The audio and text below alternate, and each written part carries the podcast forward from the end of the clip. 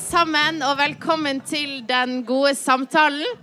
Vi er et eh, fast innslag her på biblioteket i Bergen, hvor vi eh, hver gang inviterer en gjest vi har lyst til å bli litt bedre kjent med. Og i dag er vi veldig heldige, for vi har fått høre at hun er et fyrverkeri av et menneske. Eh, vi har med oss eh, selveste professor i allmenn litteraturvitenskap her ved UiB, og faglig leder for eh, Holbergprisen. Og jeg tror en, sto, en stor foreleserfavoritt hos veldig mange studenter. Gi en stor applaus til Ellen Mortensen. Ja, velkommen eh, skal du være. Eh, Vi har jo invitert deg fordi vi har lyst til å bli kjent med deg. Ehm, så ja, hvor skal vi begynne? hen? Ja, du er jo fra Nord-Norge. Det vil jeg gjerne ta tak i. om eh, først. først og sist. Eh, eller vi kan ta tak i den på en måte, reisen fra Nord-Norge til Bergen, som du gjorde som ung. Eh, Ja. eh, hva var det som gjorde at du forlot eh, det gode nord, det trygge nord, til fordel for Bergen? Ja, si det. Uh, først må jeg få takke for invitasjonen. Men bare Ja, det var veldig Veldig hyggelig. hyggelig å bli invitert. Uh, særlig når du er ei enkel jente som kommer fra et veikryss i Nord-Norge og sitte her på biblioteket og skal bli utspurt om min egen person. Ikke bare bare. Um, nei, hva det som motiverte meg til å komme Jeg visste jo veldig tidlig at jeg ikke kom til å bli værende Kan du fortelle litt om det stedet du er fra? Fauske heter det. Jeg kommer fra Fauske, Saltens perle. Eh, Det er ha, Bodø er havnebyen til Fauske. Mm. Stemmer det? Det er et lite sted. Når jeg vokste opp, så var det ca. 2000 mennesker uh, som bodde der. Og uh, det var et fint sted å vokse opp. Uh, vi var med på alt mulig rart. De samme som spilte i korpset, som var med i, på skøytebanen og i langrennsløypa og tråkka slalåmbakken og var med i svømmeklubben. Så du var liksom Du kunne sykle og gå til alt. Og det var, jo, det var et enkelt, fint sted å vokse opp. Men når jeg begynte å skjønne hvordan ting hang litt sammen, så følte jeg vel at jeg hadde behov for litt større forhold. Når skjønte du det? Ja, hvor, når jeg skjønte det, det Eller hva var det som gjorde det, Nei, det? Var, det spør, spørs hva du spør om. Men um, jeg søkte meg som em, uh, utvekslingsstudent til USA når jeg var 17 år. Mm. Og det var en øyeåpner. Det ble en helt Det er langt fra eh, Fauske til USA. ja, Ja. til upstate New York. Og uh, et lite forsted utenfor Syracuse, New York. Ganske velstående. Og kom inn på en skole der som var helt fantastiske lærere. Og, og eh, det var en, en utrolig øyeåpner. Og reiste til New York og så, så teater og, og uh, fikk være med den familien jeg var i der, og dattera skulle på college, så reiste rundt på eh, universitetsbyer og fikk sett Det er klart at når du kom fra et lite sted i Nord-Norge, og jeg hadde jo jeg hadde vært eh, med i svømmeklubben, så jeg hadde reist litt i, i, i Norge da, og i, Du har svømt litt rundt. Svømt litt, Ja. ja. ja. Jeg var faktisk eh, Jeg kan begynne å skryte. Jeg har sølv i junior-NM på Voss i 1969. Ta det. Ja, det er imponerende. Intet mindre. Ja, det skulle man ikke tro i dag. Ja. Men eh, eh, Så jeg hadde Det var jo klart at det var en, en stor Jeg brukte å si at jeg, jeg hadde ikke vært lenger enn Jeg var tolv år når jeg kom på UM i Larvik. Da jeg var ja, 12 eller 13 år. Og det var første gang jeg kjørte heis. Ja, det var stort. For de har ikke heiser i liksom Fauske. forholdene jeg kom ifra da. Så, men jeg, jeg hadde en fin oppvekst på Fauske. Ja. Men hvordan var det for deg å komme til eh, Bergen? Når, hvilket år begynte du å studere her i Bergen? Ja, Det spørs om dere klarer å telle så langt tilbake. 1973 da kom jeg hit. For at jeg var et år forsinka, for jeg var, måtte ta et ekstra år på gymnaset eh, med det året jeg var i USA. Så i 1973 da begynte jeg å studere her. Og Men hvordan var det året imellom, da, når du kom tilbake fra USA og skulle være på nytt igjen i det lille stedet? Ja, det var jo en, eh, en liten nedtur, men jeg var jo da også veldig klar på at jeg ville ut. Mm. At jeg ville ha større forhold. Og søkte meg til Bergen. Og far min hadde studert i Bergen. Så jeg fikk ta inn hos hans gamle hybelvertinne i, eh, i eh, Rosenberggata oppe i femte etasje. Bare kaldt vann. Ja, det er helt sant. Sånn var det, sånn var det da. Hybel så det delte med fire andre studenter. Og så, så dusja vi på Sentralbadet og oppe på nyåpna studentsenteret. Um, sånn var det da. Vi syntes vi hadde det helt topp. Og flytta hjemmefra. Så. Men hvordan var det å komme til Bergen i, i 1973? Men Mange snakker om at det var et veldig, det var et veldig politisk eh, studentmiljø. Eh, og det høres litt ut som det var veldig fronter mellom eh, fløyene her. Ja, jeg, jeg starta jo Jeg var jo ei enkel jente og begynte på fransk mellomfag. Og da var det jo mye plissé-skjørt fra Kalfaret. Og de hadde gått på kostskole i Sveits sånn. Det var jo ikke akkurat meg. uh, så jeg, jeg tok en liten stund for å akklimatisere meg. I, uh, men faget var jo spennende. Jeg beklager kråkemålet. Altså, jeg kunne sikkert spille, synge bariton i mannskoret nå, men jeg har altså fått en virusinfeksjon. Det går bra. Det er en bonus for deg. Det er ikke ofte man hører deg med virusinfeksjon. Det er en bonus for de som er Er det en bonus? Ja, Ja, du har litt sånn rocka, røff stemme. Det er bra, det. Rocka røff stemme. Ja, Ja. det er bra. Hvis det er bra, så jeg tar meg en pils. Men utdyp litt mer om det. Ja. Nei, når vi kom til, til Det var jo på 70-tallet. Det var jo full aktivitet. Det var eh, Det var AKP-ere og SV-ere, og det var Palestina-komité og Palestinafronten, og det var Det, var, det tok litt tid å, å orientere seg i frontene.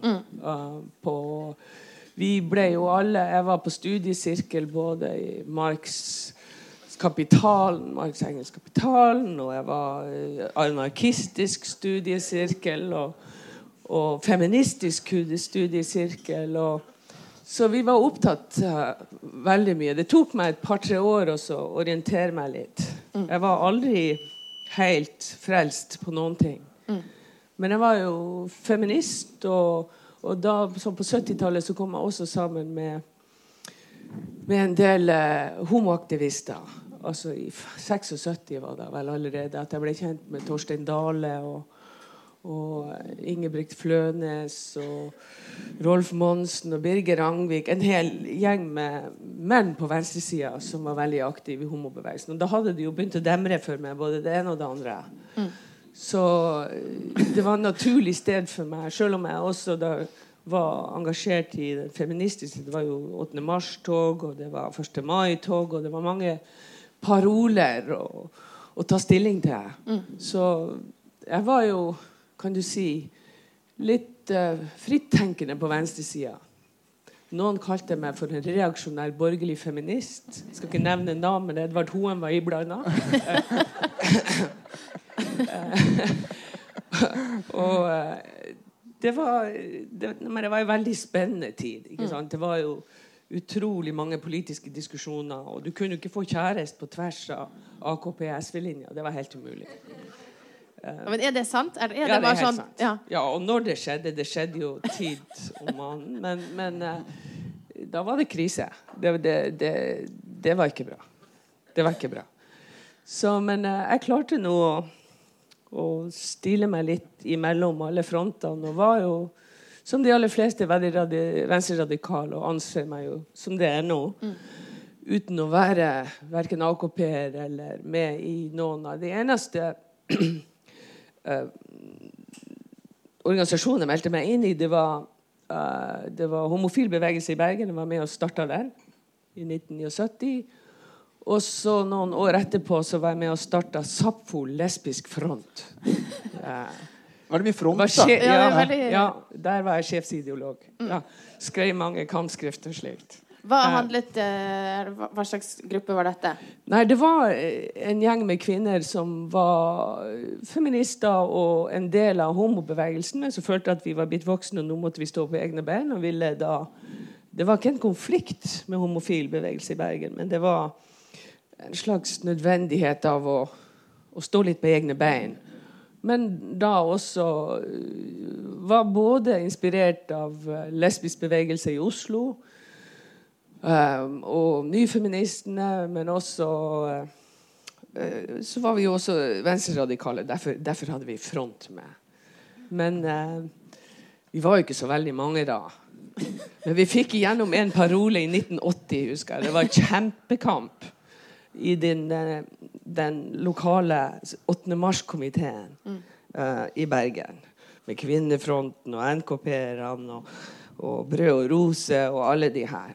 Og det var Kvinnekamp er lesbisk kamp. Lesbisk kamp er kvinnekamp. Og de holdt på å gå fra konseptene, både den ene og den andre. Nei, det var nå ikke helt sånn. Men vi fikk den igjennom. og den ble gjenbrukt mange ganger. Mm. Men det, jo, det, virker som at det er noen som eh, er veldig opptatt av å eh, holde liksom, den feministiske kampen og den homokampen atskilt.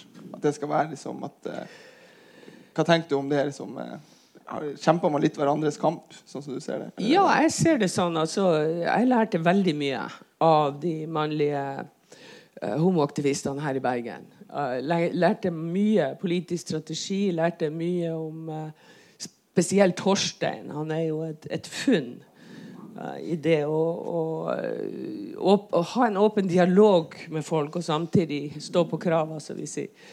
Så, og så var jeg også med i i uh, Nordahl Grieg-teatret. Det var også et teatergruppe på, på venstresida.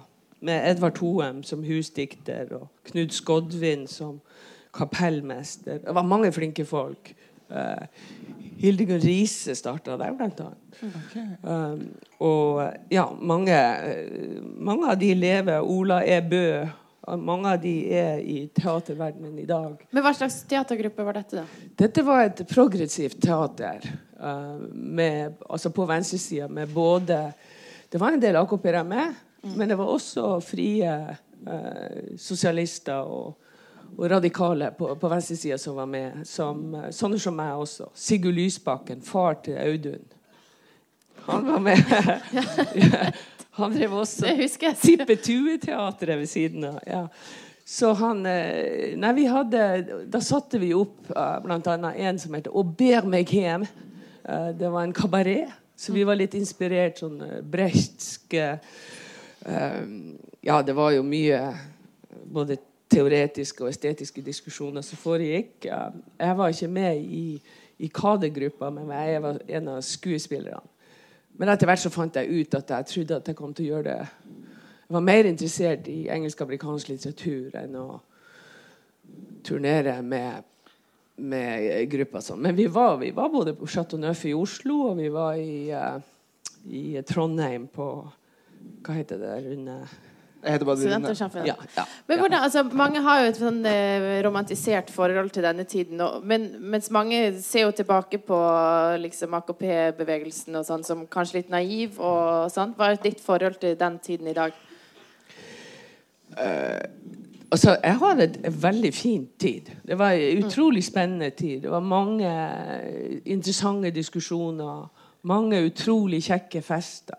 Alle kom. Vi hadde ei svær leilighet nede i Welhavens gate 81 med 100 folk. Og alle kom med ungene sine, heiv det inn i, soverommene. Og så festa vi til tidlig morgen, og så tok de ungene med hjem. Altså, det er jo blitt folk av disse ungene i dag. Jeg ser dem jo rundt på kulturinstitusjonene i dag. Men, men, ja, det var veldig, men det var veldig mye aktivitet, og det var større romslighet på noen måter enn, en man skulle tro. Og, og jeg lærte utrolig mye. Eh, veldig mye om ja, et slags politisk gangsyn. Og, og, og, så gjorde vi jo masse feil. og Jeg var jo helt sprø sånne personlige forhold. Jeg ser jo en del i salen her som har levd i samme tid. så, altså, det var jo en del eksperiment, og alle var jo ikke like vellykket. Hva slags type eksperiment, da? Nei, både på samlivsfronten og på Eh, ja, seksuelle forhold på tvers av linjer og Nei, det var Men ikke politiske? Der var det Altså, iallfall offisielt. Off, off, Men det foregikk jo ting under hånden da. Men, men, når det kom for en dag, så kunne det bli ganske Altså i de verste årene der på slutten av 70- og begynnelsen av 80-tallet. Så ja. Men det, det skjedde. Uh, og det var, nei, men det var Jeg ser tilbake på det som ei utrolig flott og lærerik tid. Mm. Og veldig vi, vi, var jo med på alt mulig rart.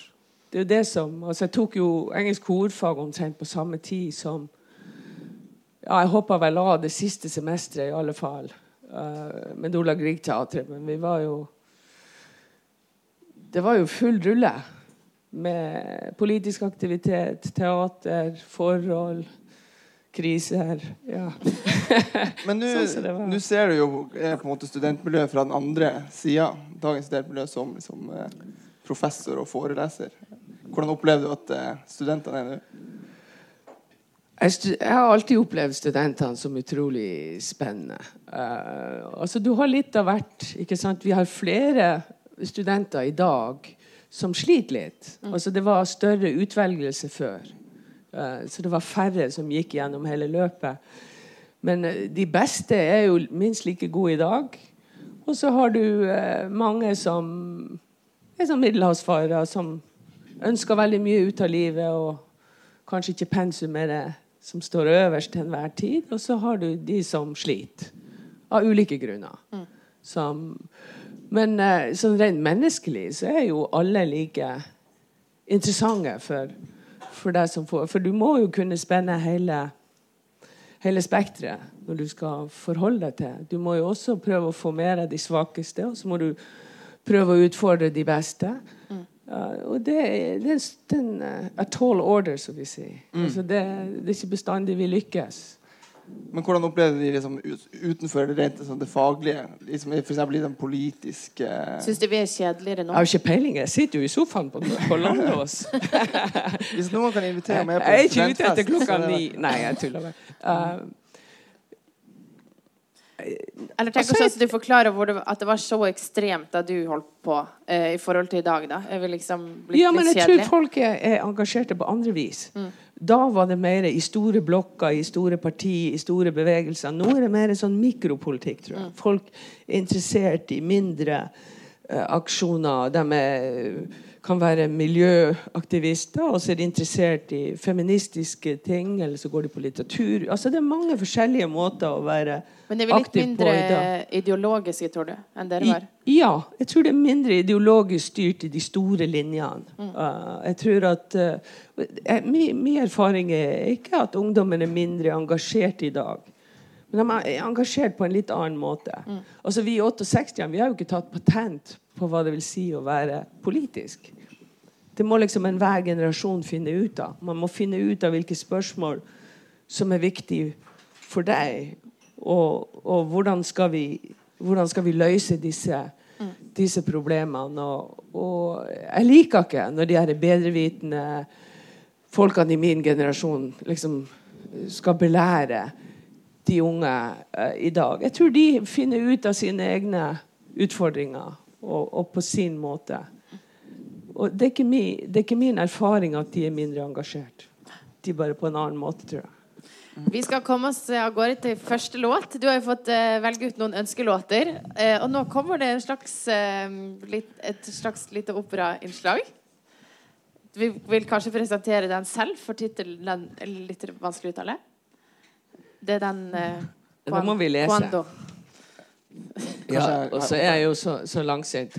Altså, det er Selve låta heter 'Quando Corpus Morietur' av eh, Pergolesi. Og det er Teresa Berganza og Mireille, Mireia Freni som synger. Det er en av mine favoritter. For det er så grådig pent.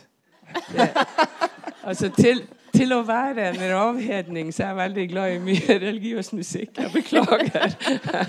Vi kjører låt.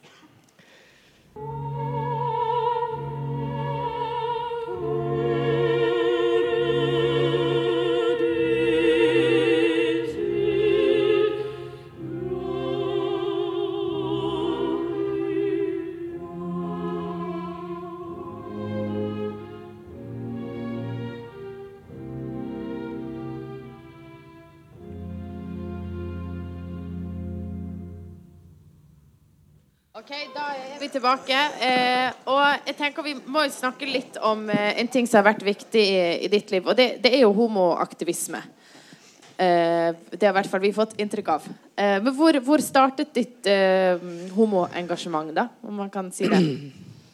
Uh, nei, det starta jo når jeg kom hit uh, til Bergen som student. Jeg hadde jo hatt mange anelser i oppveksten. Og fikk vel bare den bekrefta når jeg traff på likesinnede her. Um, og altså vi Det starta vel egentlig med at vi gikk opp i Ranhuset først. Der var det eh, Hva er det for noe? Ranhuset det er hu et gult hus oppi bakken ned mot eh, I Kalfaret, ned mot eh, byporten. Og der brukte eh, DNF 48 i gamle dager å ha eh, sånne homokvelder for kvinner og menn. Og, og, eh, og det var veldig eh, mye hemmelighetskremmerier, og folk gikk utkledd. og det var det her var jo på tidlig, eller midten av 70-tallet, så det var, det var ganske heftig for, for mange. Det var, så, det var noen få som sto fram da. Kenneth Brophy og noen av disse eh, de her mer pionerene her i Bergen. Han var kelner på Chianti. Og eh, meget eh, modig eh, fyr. Men i alle fall, det som skjedde, det var det at mange av de eh, homoaktivistene på, på venstresida de ønska litt mer politisk diskusjon og ikke bare bikke øl i homoene eh, i helga. Eh, så man begynte å, å, å, å mobilisere litt mer. Og da reagerte Kim Friele med å ekskludere. Eh, jeg tror det var åtte stykk, bl.a. Torstein Dale og Birger Rangvik. En hel gjeng. Hvorfor ble de ekskludert? Fordi at ifølge Kim Friele så drev de uh, kommunistisk infiltrasjon. Og det er foranledninga at uh, vi da starta homofil bevegelse i Bergen. De hadde også starta homofil bevegelse i Oslo. Og uh, denne boka eh, 'Homofile myter og virkelighet' hadde nettopp kommet ut. Og det var en helt annen stemning som homoene ville eh, mobilisere og, og, og, og eh, ha en, en, en politisk kamp. Eh, og det var jo i første omgang den avkriminaliseringa av mannlig homoseksualitet som, som da ble gjort eh, på tidlig 70-tall. Men, men eh, da så var det også kjempe for, eh, for rettigheter, rett og slett. For det altså Så eh, det var slik jeg kom inn, inn i det. Og da, da var det veldig stor entusiasme og veldig eh, vi hadde nettopp dette seminaret på Skeivt arkiv, hvor mange av de gamlingene vi ble invitert til å, komme og mimre litt og se litt på gamle foto. Og, og det var veldig, veldig artig. Og, og, den tida der var utrolig viktig for oss, for oss alle sammen. Og vi sto jo på stand på Sundthjørnet. Det var ikke bare bare. På lørdag formiddag, uh, midt i handletida så hadde vi løpesedler om homofil bevegelse i Bergen. Det var ganske heftig innimellom. Men uh, På, på hvilken måte? Nei, folk ga jo ganske klart uttrykk for hva de syntes. At vi var sjuke, at vi var eh, Vi burde blitt forvist. Og ja, en fyr klarte nå å plassere ei spyttklyse på meg uh, og ba meg forsvinne fra denne byen. Uh, men sånne, sånne ting opplevde jeg. Men stort sett gikk det greit. Altså, vi fikk Vi delte ut løpesedler for de som ville ta imot, men uh, Og der må jeg si at jeg lærte mye.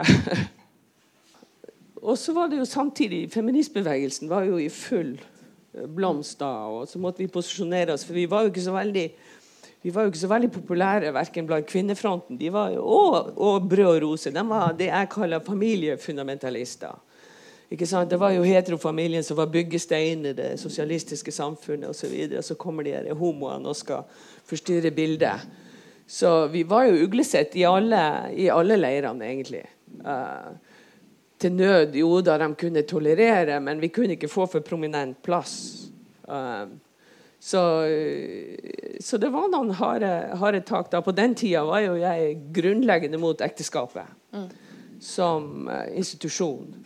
Fordi at det var som forskjellsbehandling mellom homoseksuelle og lesbiske og, eller homofile og, og eh, heterofile.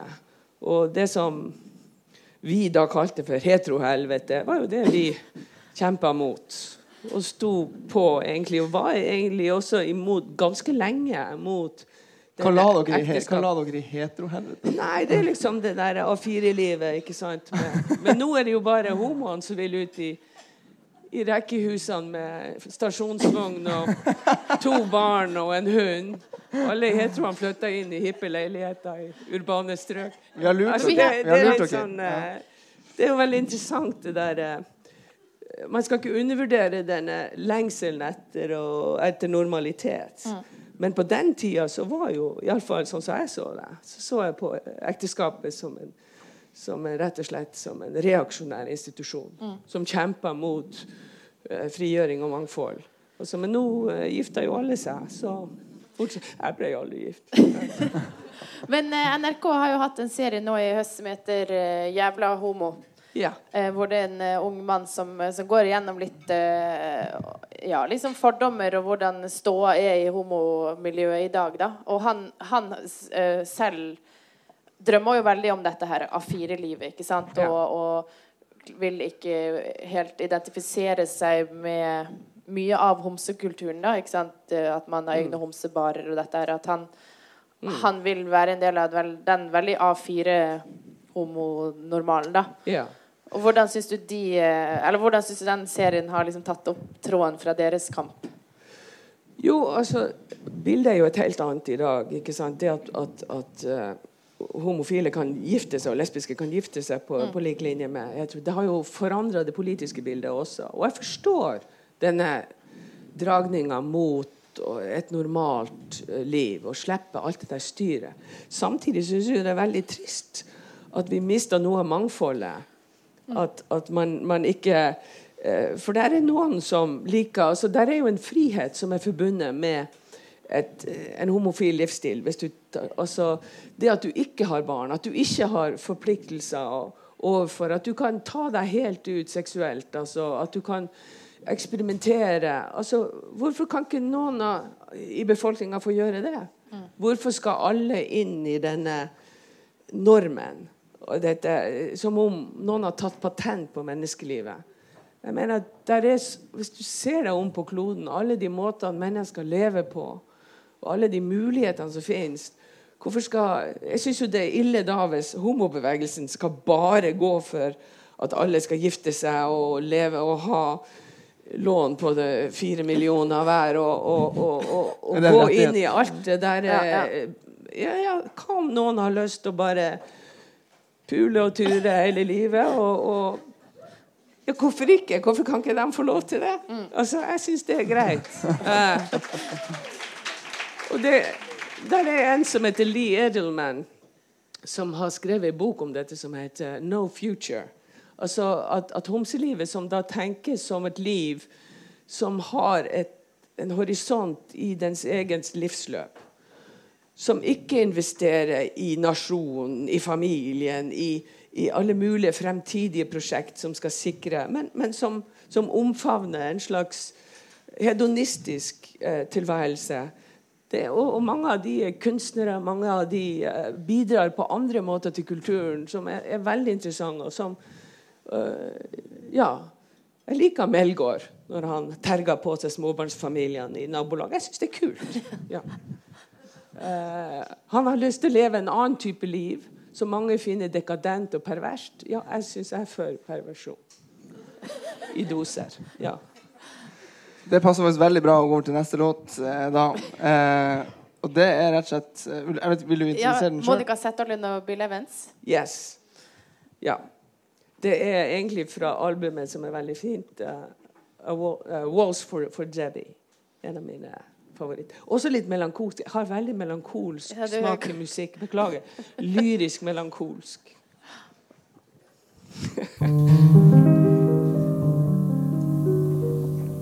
Svensk låt. Jag vet en deilig rosa och vit som liljeblad När jag på henne tänker så görs mitt hjärta glad. Det stämma ger en hjärtans tröst Ja Maria og Ellen, når du er student, hva er det absolutt viktigste du gjør da? Din absolutt viktigste oppgave som student? Spør du meg nå? Jeg spør begge. Oh, ja. Eh, Og så kommer jeg til å si at dere svarer feil. le- Levere eksamen? Det, ja, og du sier Det er selvfølgelig å lese studentavisa. Og jeg har lest Universitas, eh, for der, eh, den leser jeg på mitt lokale universitet. Og der var det en artikkel som fanga min interesse i forbindelse med at vi skulle prate med deg. For det var et intervju med en biolog som heter Christian Gundersen. Og han gikk eh, litt hardt ut mot din disiplin, eller ditt fagfelt. Ja. Og da tenkte jeg det kunne være et, slags interessant inngang til å snakke litt om det. For han eh, sier eh, Jeg kan eh, lese opp det lille avsnittet, da. Under under tittelen 'Vrøvlete kjønnsforskning'. Så her hører vi allerede det, hvor vi er på vei. Eh, vi får også en liten innføring i postmodernisme her. Så får vi se. Gundersen mener kjønnsforskningen i for stor grad er farget av det han kaller postmodernisme. En filosofisk retning som var populær på 1980-tallet. Biologen mener postmodernismen har et ekstremt syn på kunnskapens subjektivitet. At det ikke finnes noen egentlig virkelighet. Jeg synes postmodernismen har vært noe av det mest uheldige i moderne akademisk historie. Og har ført til en masse forvrøvlet forskning som egentlig er politikk, særlig innen kjønnsforskning. Og det skal jeg svare på. Ja, eller jeg tenkte vi kunne ha det som en inngang til at du Ja. kanskje først kunne fortelle om Da du begynte å studere, så var det jo en slags sånn her omveltning i Jeg kan jo si det. Når jeg begynte på engelsk mellomfag, så var det ikke én kvinnelig forfatter på pensum. Uh, Toril Hansen, som sitter her i salen nå, hun var med å uh, starte det første uh, seminaret i kvinnelitteratur på engelsk hovedfag. Uh, hvilket år var det? 1979? 80? 80, ja. Rundt 1980. Ja, så da jeg tok mellomfag, så laga vi en egen kollokviegruppe. Og, eh, og da eh, bytta vi ut en del av eh, forfatterne på pensumet med kvinnelige forfattere. Og professor Hart, eh, Hartveit han støtta oss.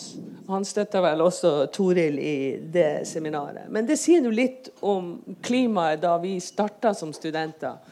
Så det er klart at da Det var jo Vi måtte sjøl finne frem pensumstekster. Vi måtte sjøl gjøre research på disse tekstene, og de kjørte oss godt til eksamen på det. Men vi var i ei kollokviegruppe med Carmen de la Nuez, Torunn Kjølle. Begge de er dessverre eh, døde i dag. Men, eh, og, og et par til. Som, og vi laga dette pensumet.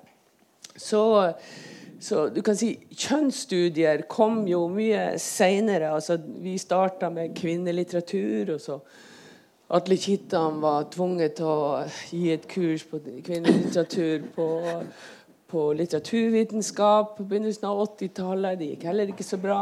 Eh, og det var, dette var klimaet, så det, det var, du måtte kjempe litt i motvind rett og slett bare for å få lov å lese kvinnelige forfattere. Og så er det jo slik at jeg eh, har jo sjøl eh, gått videre etter jeg tok engelsk eh, mellomfag og skrev om eh, lesbisk feministisk litteratur. Um, til hovedoppgaven min. Og Ulf Lie, den eh, brave Ulf Lie, han tok på seg oppgaven med å veilede meg. Og jeg tror til og med Toril satt i sensurkomiteen når jeg var, eh, tok eh, hovedfag i, i 1982. Um, så eh, søkte jeg meg til USA. Fikk et Fulbright-stipend og reiste dit og tok studier. Og der var jeg ved University of Wisconsin-Madison. Og der var det det første kvinneforskningssenteret i USA var etablert i 1983. Og jeg kom dit høsten eh, Nei, våren 1983. Så jeg var med på hele den oppbygninga av dette fagfeltet i USA. Og det var kjempespennende. Så jeg var både på allmenn litteratur og på Women's Studies, som det heter da, og delvis på fransk. Og, eh, så jeg fikk jo en egen skolering da innenfor dette fagfeltet i USA. Og dette var jo også en tid hvor dette med poststrukturalisme og dekonstruksjon var uh, på topp i USA i 80- og 90-tallet. Og, og, det var uh, veldig spennende uh, å lese disse filosofene og teoretikerne som hadde en helt annen inngang til spørsmålet om hva er kjønn. Som om, altså Biologene tror jo at de vet hva det er, men sjøl biologene har jo ikke vært enige, og er jo fremdeles ikke enige om hva som utgjør kjønn i dag. Eller seksualitet, for den saks skyld. Mm. Altså, så dette er jo eh, faglige spørsmål som alle disiplinene tilnærmer seg fra ulike ståsted. Litteraturen er også utrolig viktig, for den er ikke begrenset til hva som nødvendigvis er, men som kan være. Derfor sier Aristoteles at, at litteraturen i grunnen er mer sann enn historien. For historien må bare forholde seg til det som har vært. Mens litteraturen kan også forholde seg til det potensielle, det som kan være, det som vi kan tenke oss. Så når, når du får sånne folk som kommer med sånne polemiske utsagn. For det første du som regel kan ta uh, for gitt, er at de har aldri lest en kjønnsteoretisk tekst. Mm. Altså Det er min erfaring når jeg har vært i debatter med disse guttene. Mm. Så, så, snakker de om ting de overhodet ikke har greie på. De har ikke lest én tekst. Ikke har de lest de filosofiske tekstene som mange av disse bygger på. Og ikke har de uh, satt seg inn i Og, og det er en sånn generelt utsagn som sier at alle kjønnsstudier er er, er irrelevante. Uh, vi hadde her en kvinnelig historiker som var en nestor. altså Ida Blom, som gikk bort i fjor. Fantastisk. Og, og, og, hun drev frem hele fagfeltet kvinnehistorie uh, ved Universitetet i Bergen. Og en internasjonal figur. Mange av de her lokale folkene som hissa seg opp på denne måten, de ja, Eh, mye av det faller på sin egen urimelighet. Det betyr ikke at ikke vi ikke kan gå i dialog med biologer. Mm. Vi, har hatt, vi, har kjønn, vi har hatt, uh, seminar med biologer om kjønn og seksualitet. Som har vært, noen har vært interessante, noen har vært helt på trynet. For de er helt ute av stand til å, å tenke utenfor sin egen blokk. Og noe av, av, eh, av styrken til, til, kjønnsstudier er jo at de har, mange, uh, har jobba interdisiplinært, tverrfaglig, og lytter til hverandre. Og, og, og, så det er klart, det er dårlig kjønnsforskning, som det er dårlig forskning på andre disipliner også. Men mye av dette det er et svært forskningsfelt internasjonalt. Selv om det ikke nødvendigvis er det på Biologisk institutt Universitetet i Bergen. Mm. Men tror du det kommer til å bli det? På biologi? Mm. Altså, Der er jo folk på biologi som også er interessert i kjønnsforskning. Sigrun Eliassen for eksempel, har et veldig spennende prosjekt som vi har samarbeida med. Vi har hatt uh, flere biologer i styret på Senter for kvinner og kjønnsforskning. Altså, Alle er jo ikke idioter. Nei. Nei. Men hva tenker du om det han med, sier med at uh, forskninga også er på en måte også ganske politisk? da? Tenker du at uh, det er sant, og i så fall, hva tenker du? Ja, altså, ja. all kunnskap er politisk. Det vil jeg si. Mm. Men altså der er jo De aller fleste disipliner har jo hva jeg skal si, metoder og, og teorier som, som, som, du må være etterrettelig i forhold til. Uh, og, og, eh, det er klart at, at mye av uh, forskning som foregår uh, i humanvitenskapene i forhold til naturvitenskapene, er jo helt vesensforskjellig. Nettopp fordi at du må ha inn en, en subjektiv komponent. Uh, som både tolker altså Du har et hermeneutisk problem, altså et tolkningsproblem av hvordan du uh, Og språket har sine egne uh, kan vi si, fordommer bygd inn. der er også I humanvitenskapene så må du forholde deg til at vi er ikke bare rasjonelle aktører, men vi er også affektive aktører. Det er mange måter av vår måte å drive forskning på er farga av der vi står, uh, både menneskelig og politisk. Mm. Hvordan er du med din eh, aktivisme? Hvordan har du forent disse to rollene som aktivist og forsker? Ja, det er ikke alltid like enkelt. Jeg tror jo ikke at fordi at jeg er lesbe og feminist, så har jeg en slags iboende forståelse av alt som er viktig for kvinner og lesber. Altså, no jeg har jo hatt en del sånne studenter som tror jeg bare fordi de er feminister, så trenger de ikke å lese pensum.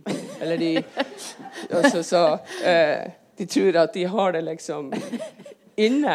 Altså, du må drive med seriøs forskning også som kjønnsforsker og som men som den du er. Det er klart at det informerer måten Hvis du er, hvis du er sort og leser en rasistisk tekst, så sier det jo seg sjøl at du har en annen horisont å forstå den teksten i forhold til. Eller om du er en lesbisk som leser en djupt homofobisk tekst. Det betyr jo ikke at du skal sensurere den teksten, men du må gå inn og se på den. Hva er det som, som settes frem her, og diskutere det? Hvilke, hvilke, posisjoner det er skrevet fra. Du kan bruke mange narrative analyser for å avdekke uh, fra hvilket perspektiv kommer dette.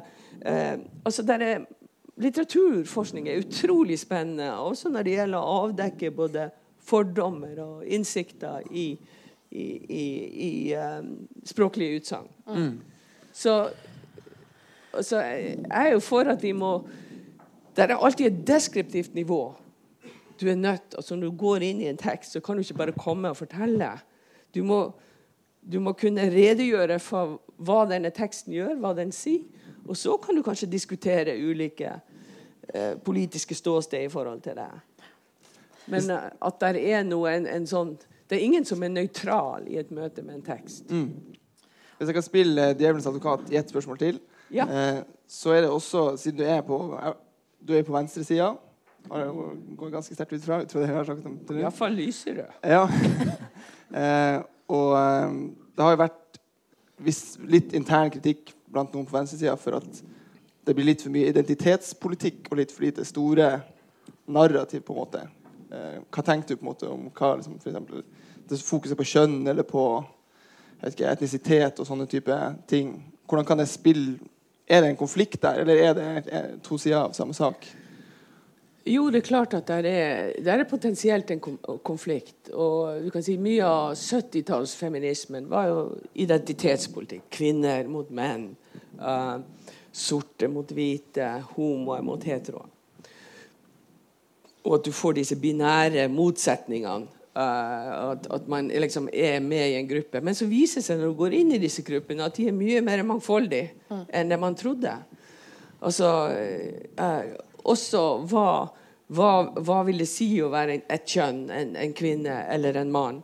Altså, det som er det fine nå, og, og som vi har mer, fått mer nyanserte teorier for, det er å, å, å kanskje skille mellom uh, man, en slags essens. De færreste av oss er jo en slags uh, helstøpt essens. Man forandrer seg over tid. Og der er mange gråsoner mellom, både mellom kjønn og seksualitet. Og det som vi i gamle dager trodde var, var bare feige lesber, som da var sammen med menn, og som tulla litt med damer eh, Det viser seg at det er et mye mye større spekter av hva folk gjør. Uh, og det samsvarer ikke bestand, bestand, bestandig med det folk sier at de er som en identitet. De aller fleste som da ja, Ta en sånn, uh, sånn nettsted som Geysir, f.eks. Som er et sånt homonettsted. Der er jo en tredjedel av folkene der sier at de er gift. Kvinner. Og så søker de forhold til kvin andre kvinner. Så har du en tredjedel som ikke sier det, men som da eh, Kanskje er det. Og så har du noen som sier, kanskje en tredjedel som sier at de er lesber, de søker damer. Altså I det feltet der er jo et enormt spenn av hva folk gjør. Altså hvordan, Hvilken identitet de har. om de. Sånn som Min sterkeste identitet er jo nordlending. Altså fremfor noen. Eh, det er jo eh, Det ligger jo i kjødet, eh, ikke sant? Og i rytmene. altså Dialekten, språket det, har, det, er veldig det er veldig fysisk for meg. Altså det, det har med modalitet, med, med rytmikk Vi har med veldig dyptgående ting. Så, så du Det er klart at, at identitetspolitikken har styrt en del av kjønnsforskninga, men, men nå uh, så ser man kanskje mer på hva folk gjør, uh, enn hva de er. Og det er mye mer mangfoldig. Og i hver kategori er det mye større variasjon. Og, og eh, det er eh, store deler av befolkninga som, som utforsker begge kjønn, men som ikke nødvendigvis vil leve lesbiske. Eller, altså Der er mye, mye større variasjon. Og du blir forundra over hva folk gjør. Jeg har levd så lenge, så nå har jeg sett mye rart.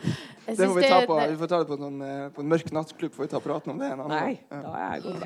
Nei, eh, men eh, før vi avslutter, så har du fått lov til å anbefale en ting fra biblioteket. Ja. Siden vi tross alt er her. Eh, og du har valgt en bok av Virginia Woolf. Som Ja. du kanskje kan løfte fram. Jeg hadde faktisk foreslått tre verk, for jeg klarte ikke å velge én.